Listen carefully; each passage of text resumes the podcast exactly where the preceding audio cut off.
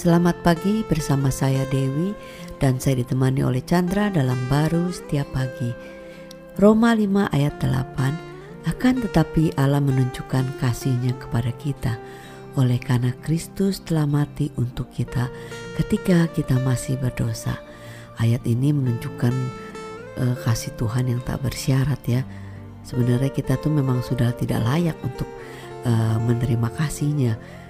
Tapi karena dia mengasihi kita bahkan dia kirim anaknya untuk mati menebus kita dari dosa yang sudah mengikat kita ya iya ini luar biasa sebenarnya kan ya, ketika kita uh, bersalah ke seseorang orang tentunya pasti uh, ingin uh, marah ya Uh, dan membalas ya hmm. atas kesalahan kita apalagi kesalahannya besar hmm. dalam hal ini kesalahan kita dosa kita itu sangat besar itu menentang kepada Tuhan kan ya.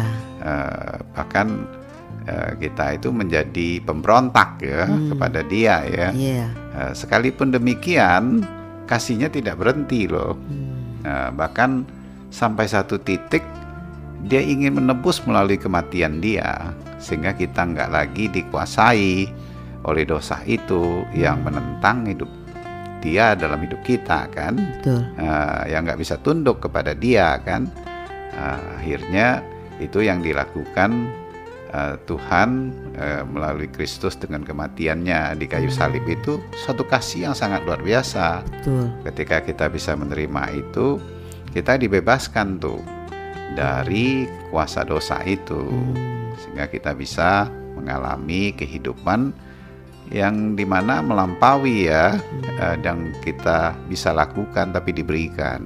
Betul karena ya kematiannya itu kan terhadap dosa itu artinya dia menanggung semua pemberontakan kita, kemudian uh, segala kesalahan kita dan juga segala penyakit kita ya itu sudah ditanggung oleh uh, Kristus di atas kayu salib itu. Iya kan masih ingat nggak waktu di kisah para rasul itu uh, Petrus ber, ber katakan kalian pikir yang menyalibkan Kristus siapa? Dosa hmm. kalian itu, dosa kita, dosa manusia yang wow. menyalibkan dia kan? Kita pikir itu uh, sejauh hanya uh, pasukan daripada Romawi itu hmm. yang menyalibkan itu realitas yang kelihatan, tapi sebenarnya kebenarannya ya dosa kita. Hmm, pemberontakan ya, kita ya. Uh, dia terima tentunya. Kita. Uh, dia tanggung. Hmm untuk ditebus sehingga kita nggak hidup dari hidup kita yang dosa itu. Hmm. Nah, kita bisa dibebaskan dari pemberontakan, dari kematian, dari dosa.